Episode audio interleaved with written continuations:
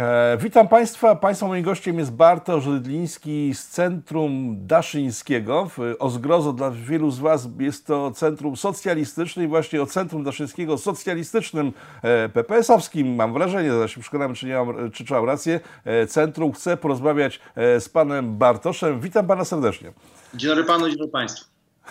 Co to jest Centrum Daszyńskiego? Bo brzmi bardzo dobrze, ale wiele organizacji lewicowych kryje się pod jakimiś bardzo fajnymi nazwami, a w środku drzemie twardy Marks, jeżeli nie no, Ale szanowni panie redaktorze, to nie jest tak, że Ignacy Daszyński był antymarksistą. Pamiętajmy, że przecież e, e, towarzysza Limanowskiego, znanego senatora PPS-u, e, jednego z ojców polskiej niepodległości, nazywano papieżem marksizmu, więc oczywiście pod centrum Daszyńskiego kryje się tak Ignacy Daszyński, jak i w jakimś sensie Karol Marx. Natomiast nie kryje się Włodzimierz Lenin, tak odpowiadając od razu na kolejne pytanie.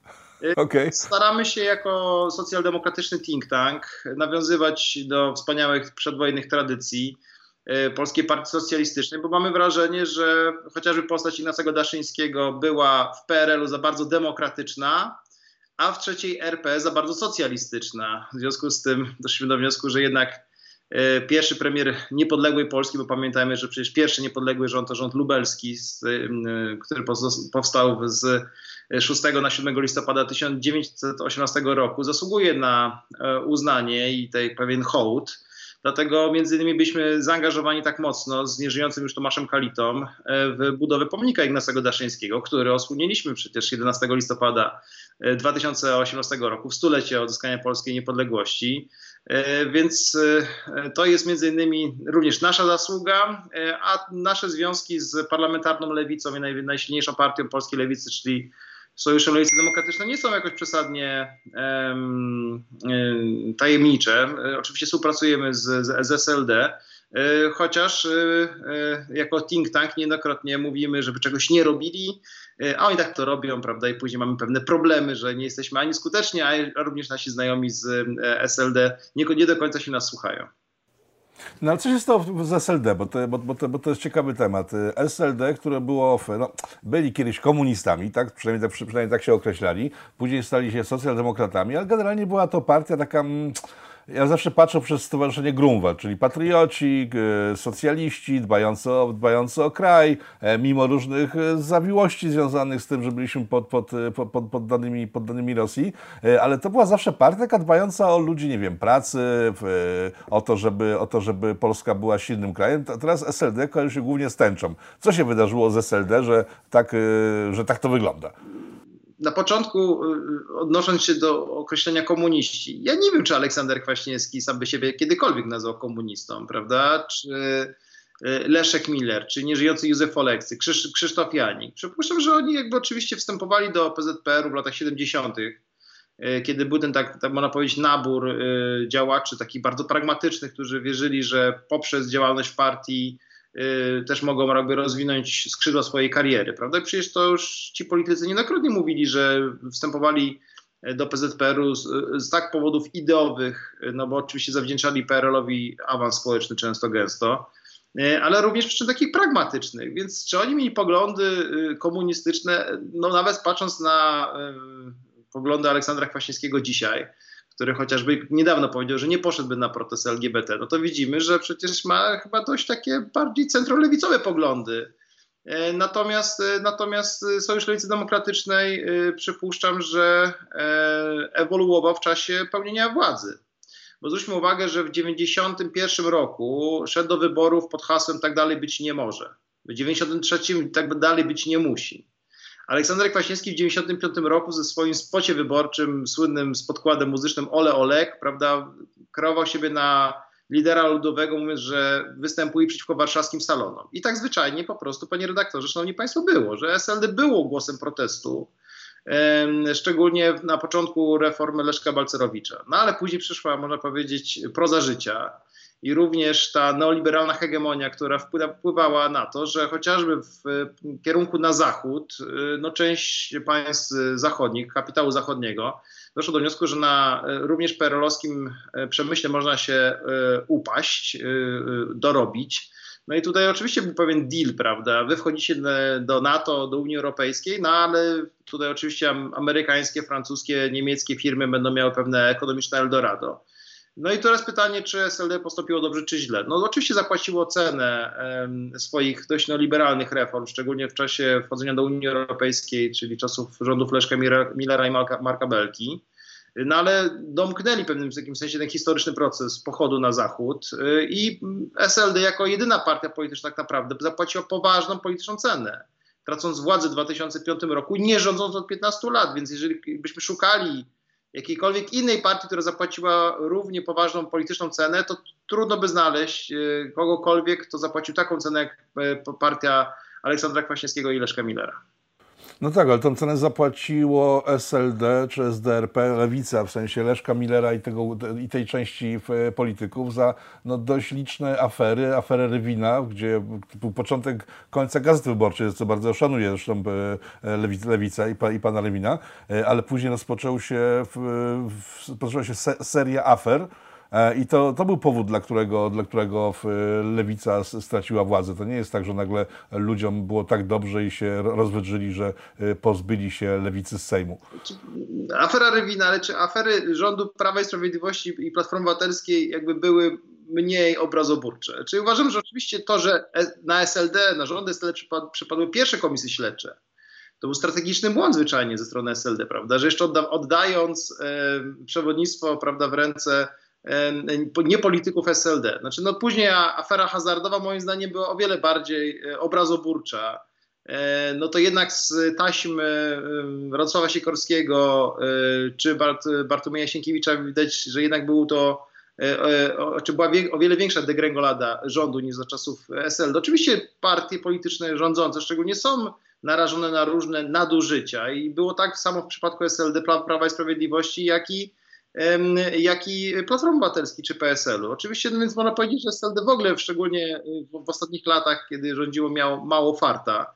Y, ale jednak uważam, że to nie afera Rywina, prawda, że ktoś do kogoś po pijaku przyszedł w jakiejś sprawie, nie wiadomo w jakiej, prawda, i jeszcze Michnik to nagrał, e, jakoś przesadnie zbulwersowało tradycyjny elektorat SLD. Przypuszczam, że tradycyjny elektorat SLD zwyczajnie zobaczył, że lewica nie broni przegranych transformacji i przegranej globalizacji.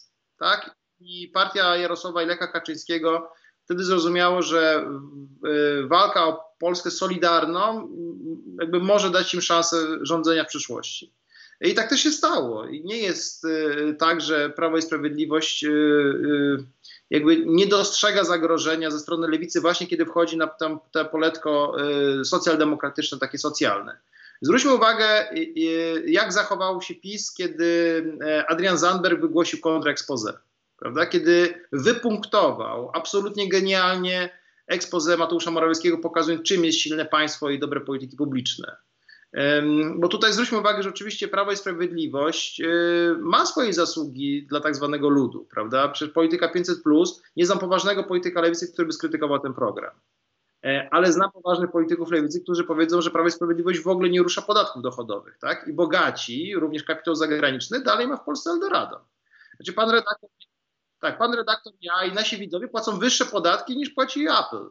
E, no więc jeżeli chcemy być poważnym państwem, e, z dużymi ambicjami geopolitycznymi, no to musimy być państwem bogatym, prawda? Państwem, który ma środki w budżecie, bo chociażby obecność, jak się ostatnio dowiedzieliśmy, amerykańskich wojsk po prostu będzie dużo nas kosztowało.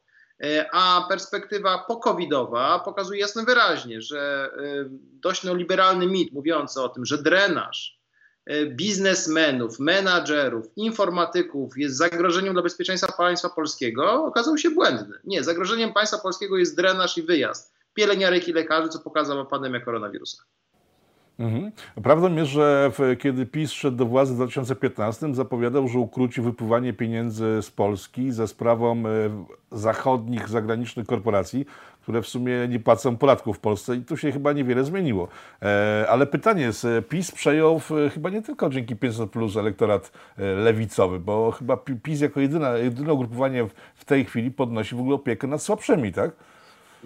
I tak i nie, bo oczywiście e, jeżeli zobaczymy jak, czy w jak złym stanie jest polska służba zdrowia, a w służbie zdrowia chyba tak naprawdę widzimy no, pewną taką stratyfikację, darwinizm społeczny, no to to się przesadnie dużo nie zmieniło. W sensie dalej dyskusja wokół służby zdrowia no, polega na tym, że wychodzi minister Szumowski i mówi, no po covid będziemy o tym rozmawiać.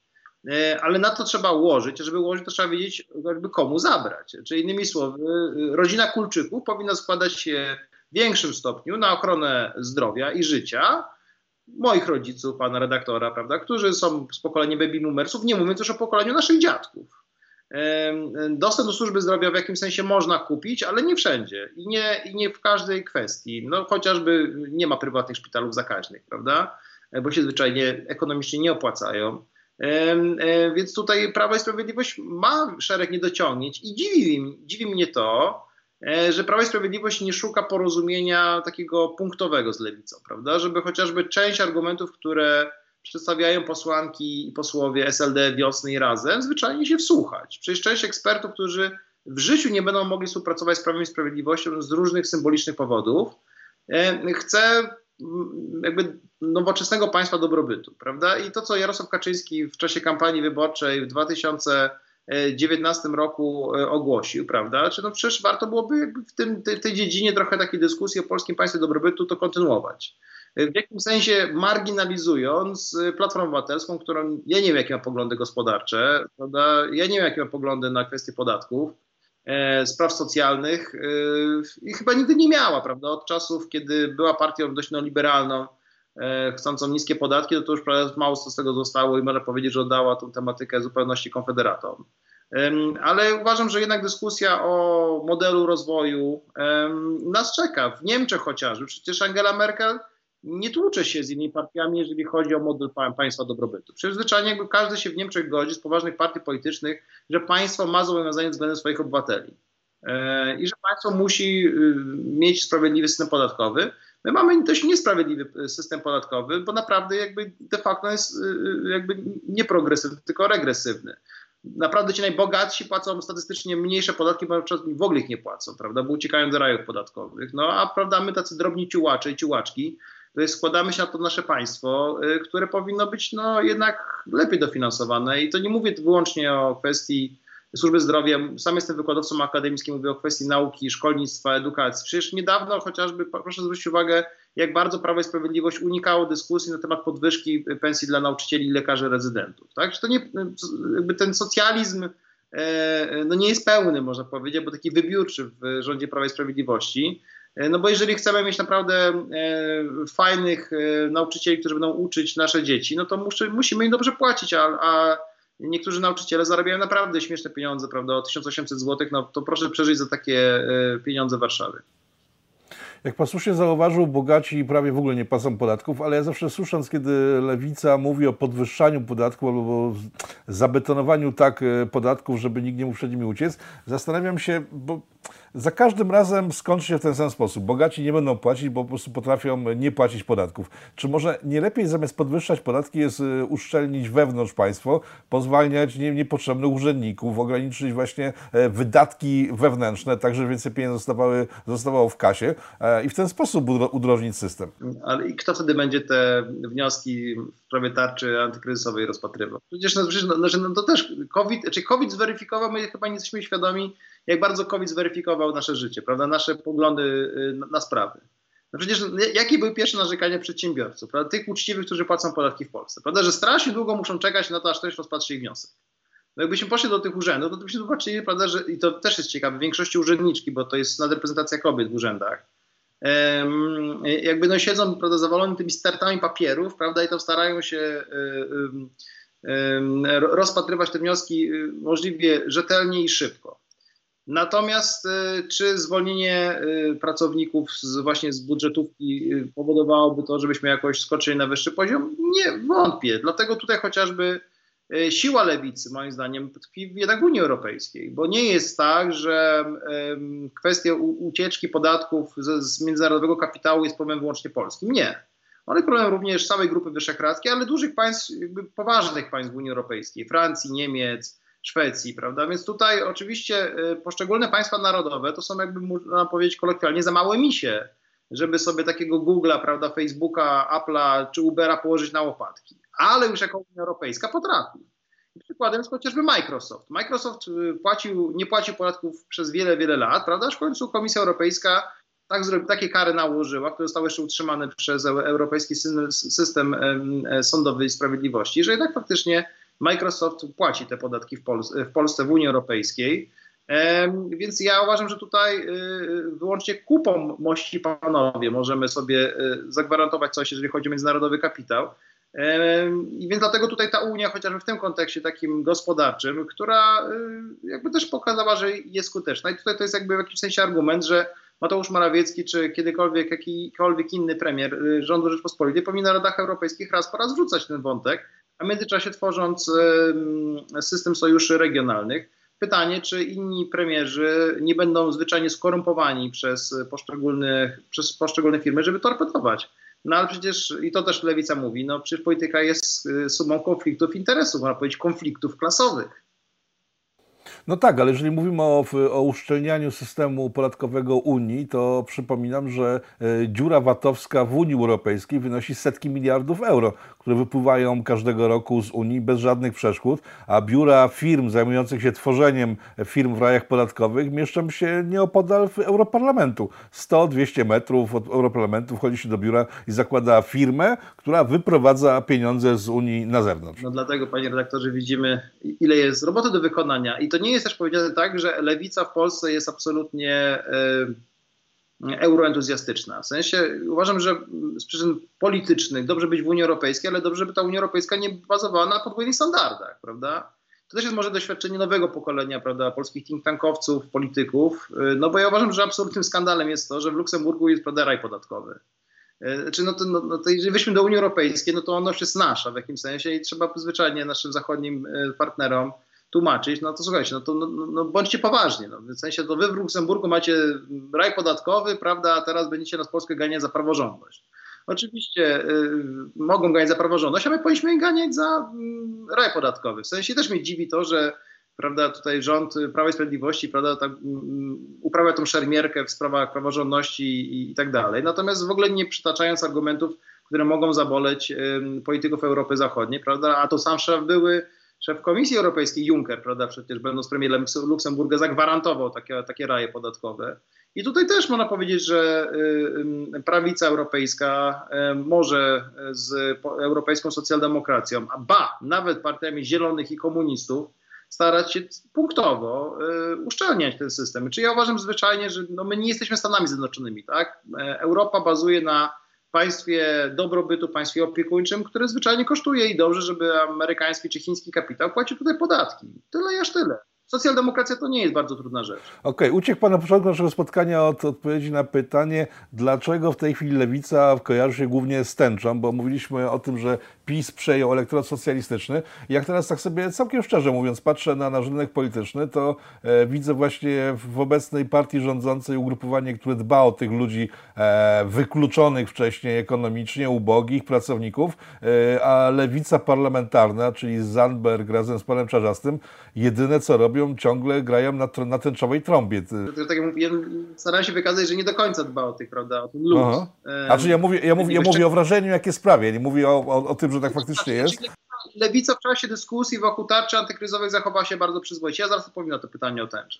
Ale zachowała się naprawdę bardzo, bardzo przyzwoicie. Prawda? Kiedy były wrzutki, pan redaktor pewnie też widział te wrzutki, prawda, w których na przykład był pomysł, żeby pracowników zwalniać mailem, tak? albo odbierać im urlop. Tak? Yy, albo obniżać im pensje, kiedy zarząd danej firmy miał mieć pensje nie, niezamrożone. Prawda? I tutaj lewica zawsze i wyraźnie to była jedyna siła polityczna przy okazji dyskusji wokół tarczy antykryzowych, która mówiła nie o mitycznych przedsiębiorcach, bo to zawsze się w Polsce przedsiębiorcy, przedsiębiorcy, przedsiębiorcy, tylko mówią o oni nie są mityczni, to są żywi ludzie i mają firmy. To nie jest tak, że są mityczni. Że, ale że przedsiębiorstwa, nie oczywiście, ale ja mówię, ale, ale, a co z pracownikami? A co z tymi osobami, które nie są przedsiębiorcami i których codziennie rano można spotkać w pociągu z Działdowa do Warszawy o godzinie 6 rano? To nie są przedsiębiorcy, to są pracownicy, tak? którzy sprzedają swoją pracę najemną. Tak jak ja sprzedaję swoją pracę najemną na moim uniwersytecie, ja nie jestem przedsiębiorcą. I oczywiście moja mama jest przedsiębiorcą, prawda? I bardzo ją kocham, cenię i szanuję. Uważam, że buduje polski kapitalizm e, i jego dobrobyt, prawda? E, natomiast e, no jest pewna asymetria w dyskusji, prawda? Więc mówię o pracownikach i to trzeba jasno i wyraźnie powiedzieć. Natomiast jeżeli chodzi o tęczę, no, trudno, żeby lewica jakąkolwiek grupę mniejszościową pozostawiła. Tak? W drugiej RP zwróćmy uwagę, że kiedy była nagonka na mniejszości narodowe, na mniejszość ukraińską, białoruską, żydowską, to lewica stawała w jego obronie. Tak? Kiedy były getta ławkowe, no to PPS prawda, dawał sobie ciąć żyletki twarzą. Znaczy twarz żyletką, kiedy ONR prawda, szkalował e, socjalistycznych studentów za pomoc żydowskim e, e, kolegom i koleżankom. Prawda? Pan nie porównuje chyba sytuacji Żydów, e, Ukraińców, Białorusinów do sytuacji e, ludzi e, spod, spod tęczy. Przecież to, są, to, to, to jest nieporównywalne. Jeżeli z powodów, nie, ja a mogę powiedzieć prowokacyjnie też na, na potrzeby pana programu, żeby tutaj prawda, były e, subskrypcje do góry, prawda, żeby nas e, e, było dużo komentarzy. Nie, jestem w stanie to po części porównać. Ja nie mówię o historii po 1939, mówię do 1939 roku. Jeżeli ktokolwiek w Polsce z powodu swojej orientacji seksualnej, z tym, czy żyje z facetem, czy ktoś żyje z kobietą, może być zwolniony z pracy, może być pobity na ulicy, może być szkalowany również przez państwo polskie, to lewica musi stanąć po stronie osoby słabszej. Tak? Inną zupełnie kwestią, nie, inną zupełnie kwestią jest samo zachowanie środowiska LGBT. Ja tutaj powtórzę e, argument Aleksandra Kwaśniewskiego, tak? Raczej jako socjaldemokrata, jako państwowiec szanuję a priori polską policję. Tak? I ktokolwiek, kto e, lży, ubliża funkcjonariuszom policji, ubliża państwu polskiemu. Tak? Więc no, to taki argument trochę, prawda, ten grunwaldowski, o którym pan redaktor no, no, no, szanuję. E, e, uważam, że ktokolwiek podnosi rękę na funkcjonariusza, podnosi rękę na państwo polskie, jego majestat i powagę, prawda? E, natomiast, natomiast jeżeli e, funkcjonariusze policji, e, i to tak chociażby mówił mi niedawno Maciej Gdula, który był na miejscu, poseł wiosny, prawda? Jeżeli policja wyłapuje z tłumu, rzuca na glebę osoby, które mają na sobie tęczowe kolory, to też jest to absolutnie rzecz skandaliczna i taki funkcjonariusz powinien być wydalony ze służby, łącznie z zarzutami karnymi, prawda? Znaczy, ja widziałem materiały stamtąd i to wyglądało tak, że te osoby zostały zatrzymane w, po po tej imprezie z nagrań, z nagrań wynika, że wcześniej po prostu zachowały się agresywnie w stosunku do przechodniów, a później do policji. To jest ta słynna taka pani w niebieskiej koszulce, która napadała na przechodniów, później napadała na policję, a później stała się twarzą e, mediów jako osoba e, brutalnie zatrzymana. No, tylko nikt nie pokazał tego, co robiła wczoraj. Poseł Gula, który był na miejscu, który ma nieposzlakowaną opinię, która dodatkowo jest jeszcze doktorem habilitowanym i ja wierzę mu, bo był na miejscu, Mówi, że sytuacja wyglądała zgoła odmiennie, prawda? Że osoby, które były po stronie, czy panie redaktorze, tam było dużo ludzi, więc może być tak, prawda, że komuś funkcjonariusz się pomylił, ale nie można tak traktować, wywozi na komisariat, prawda? Naprawdę gorsi zwyrodnialcy opowiadają z wolnej stopy e, w swoich sprawach, a nie są więzieni na dwa miesiące, prawda? Oczywiście tutaj e, ja uważam, że cała sytuacja raczej e, również jako politolog, jako doktor nauk o polityce postrzegam jako formę sporu wewnątrz Prawa i Sprawiedliwości, prawda, jeżeli chodzi o pewną rekonstrukcję rządu, pewnego przepychania się. Innymi słowy uważam, że spór między ministrem Ziobro a premierem Morawiecki również znalazł ujście przy okazji całej dyskusji wokół tęczy. Lewica oczywiście dała się trochę sfrejmować, prawda, jako partia tęczowa. Ja zawsze postuluję, że lewica musi być tęczowa, chociaż kolor czerwony na tej tęczy musi być głównym pasem, dominującym, prawda? Ale bez sierpa i młota, mam nadzieję. Pieśnią PPS przedwojennego był czerwony sztandar, prawda? A kolor jego jest czerwony, bo na nim robotnicza krew, prawda? Więc y, ten czerwony sztandar to nie tylko sierp i młot, ale też również y, y, banery PPS. Więc tutaj oczywiście ta, ta czerwień powinna być o wiele bardziej widoczna, a ja zwyczajnie chciałbym widzieć, albo móc przynajmniej dostrzec, osoby LGBT na pochodzie pierwszomajowym, bo ich nie widzę, prawda? Ja uważam, że 1 maj to jest ważne święto dla całego ruchu robotniczego w Polsce i na świecie i w Europie. Również oddając hołd polskim robotnikom w Chicago, którzy prawda, wtedy, wtedy przeciwko temu wyzyskowi w XIX wieku e, powstali, a ja nie widzę tam tęczowych plag. Ja nie widzę środowiska LGBT, prawda, które przychodzą na, na, na pochód pierwszomajowy. E, no więc to jest jakiś sensie problem. Tak samo problemem dla każdego człowieka lewicy, o tym skądinąd mówił, nie wiem, czy profesor Chwedoruk, czy Jan Śpiewak, no, że jeżeli na Paradzie Równości, prawda, jednym z pierwszych wozów jest wóz fi, fi, finansowany, obrędowany przez Goldman Sachs, tak? międzynarodową korporację, która nie tylko nie płaci podatków w Polsce, doradza jak nie płacić ich na świecie, jeszcze prawda, zrobiła szereg liberalnych reform e, w Stanach Zjednoczonych i na całym globie, no to ja nie wiem, czy człowiek lewicy prawda, powinien w takim pochodzie e, maszerować razem z fundatorami neoliberalnego kapitalizmu. I to jest słabość środowiska LGBT, prawda, które nie ma, nie ma też poczucia tego, że pomoc robotnikom w strefie, specjalnej strefie ekonomicznej pod Wrocławiem jest również wspólną walką lewicy. Prawda? Oni uważają, że a jak, prawda, że jak nie chcą pracować, to nie muszą. No muszą pracować, bo nie mają alternatywy, więc mogę powiedzieć tak po marksowsku, y, że część środowiska LGBT jest zwyczajnie y, politycznie nieuświadomiona. Dobrze, wspomniał Pan o tym e, robotniku jadącym rano o 6 pociągiem do Warszawy, do pracy e, i kiedy on patrzy sobie na dzisiejszą lewicę i słyszy, czym ona się zajmuje, e, jakim cudem ktoś się spodziewa, że ten człowiek będzie głosował na lewicę, kiedy on ma faktycznie ciężko, ciężkie życie, musi dojeżdżać, ciężko pracować, tymczasem lewica zajmuje się tęczą. Ja wracam do tego, bo to jest dla mnie absurdalne, bo uważam, zresztą Pan sam to przed chwilą powiedział, że całe to środowisko tęczowe nie ma, nie ma, nie ma nic wspólnego w z jakąkolwiek po, polityką stricte, czyli to nie jest ani lewica, ani prawica, tylko są to zwykli hedoniści albo, albo rozpuszczona młodzież. To, to, tak, tak, tak to bardziej pewno, widzę. Na pewno część środowiska LGBT to nie, hedoni, nie hedoniści, prawda? Mogę pana... Nie, no, ja, znam, ja znam homoseksualistów i moi znajomi homoseksualiści nie biorą w tym w ogóle udziału, uważają, że to tak strasznie im pod górkę robi, bo oni nie zamierzają w tym brać udziału. Także ja mówię e, o LGBT nie jako o homoseksualistach, tylko po prostu ja znam, no, ja grupie, grupie, grupie, grupie ludzi. Ja znam działaczy środowiska LGBT, którzy mają bardzo przyzwoite poglądy polityczne, e, nie są hedonistami e, i zwyczajnie się kochają, tylko że kochają się prawda, w sposób nieheteronormatywny. Nie płacą podatki w Polsce. Chodzą do, są waginosceptykami. Chodzą rozumiem. do kościoła, mogę panu powiedzieć, prawda? Więc w ogóle w takich oprócz spraw, można powiedzieć, seksualności mają dość tradycyjne poglądy, prawda, nie wiem, obchodzą 11 listopada, prawda, 15 sierpnia, są polskimi patriotami. E, e, natomiast e, my chyba patrzymy też bardzo warszawocentrycznie, bo ja panu powiem, co widzi ten robotnik, który jedzie z Działdowa albo z Podpłocka, o to nawet lepszy case, z Podpłocka do Warszawy. On widzi posła SLD Arkadiusza Iwaniaka z Płocka, który w czasie e, pandemii koronawirusa przekazał całe swoje uposażenie poselskie na szpital w Płocku.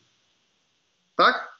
E, więc widzi taki polityków, prawda? Więc e, robotnik, który dojeżdża spod Gniezna do Poznania, widzi posła Tadeusza Tomaszewskiego, który jest, nie wiem, oprócz tego, że jest wieloletnim posłem i de facto autorem oskładkowienia umów śmieciowych, umów o zlecenia, no to widzi go na balu OSP e, razem z lokalnymi e, mieszkańcami, który widzi posła właśnie Tomaszewskiego, który przy okazji Dnia Babci organizuje poczęstunki dla, dla seniorek. Więc to nie jest tak, że lewica jest, ma wyłącznie twarz Adriana Zandberga, Magdaleny Biejat prawda, i Marceliny Zawisza. On ma również twarz lokalnych liderów, którzy pomagają w regionie. Małgorzata Szmajdzińska dla przykładu, prawda? Wdowa po Jerzym Szmajdzińskim organizuje system stypendialny, prawda? Fundacji imienia Jerzego Szmajdzińskiego, prawda? W kapitule, której zasiada również Aleksander Kwaśniewski i są wręczone stypendia dla e, e, biedniejszych, bardzo uzdolnionych dzieci, prawda? Więc to jest tak, że my często patrzymy wyłącznie z perspektywy Warszawy. W ogóle cierpimy na warszawocentryczność. Miesz, mieszkam poza Warszawą, także no, mi to dotyczy. Pod Warszawą, tak jak i ja, prawda, więc wiemy, że tutaj e, stołeczność idzie daleko, daleko poza granice e, Warszawy. E, więc tutaj oczywiście tych, tych posłów, którzy robią e, fajną robotę w swoich okręgach wyborczych, również takich, można powiedzieć, takich socjaldemokratycznych pobudek jest naprawdę sporo. E, więc my często myślimy, prawda, że tutaj, o, że lewica jest taka, prawda, jak wyłącznie nam pokazują media głównego nurtu, a tak nie jest naprawdę y, y, y, SLD chociażby, nie wiem, u mnie w Nowym Dworze Mazowieckim przez lata walczyło, prawda, o to, żeby mieszkania spółdzielcze miały, miały, miały e, e, szczelne dachy, prawda, więc SLD to jest prawda, taka partia trochę, prawda, która papę kładzie.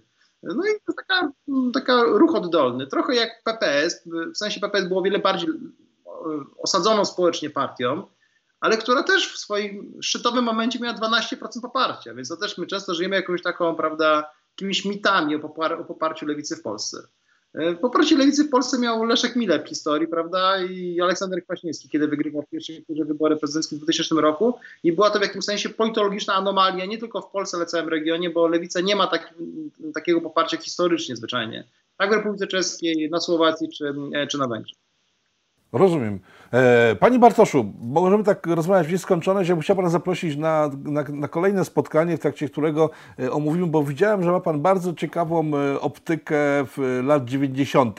I, na, i o tym był, chciałbym z Panem porozmawiać. Co Pan Nie ma problemu, oczywiście. O latach 90., latach formacyjnych mojego dzieciństwa, prawda, mogę mówić długo, namiętnie, tym bardziej, że był to dla mnie, przynajmniej dla mojej rodziny, raczej gorszy niż lepszy okres. Okej, okay. Szanowni Państwo, dziękujemy bardzo Panu Bartoszowi Rydlińskiemu z Centrum Daszyńskiego i zapraszam na kolejne spotkanie w temacie socjalizmu w Polsce. Dziękuję Panu Dziękuję. bardzo.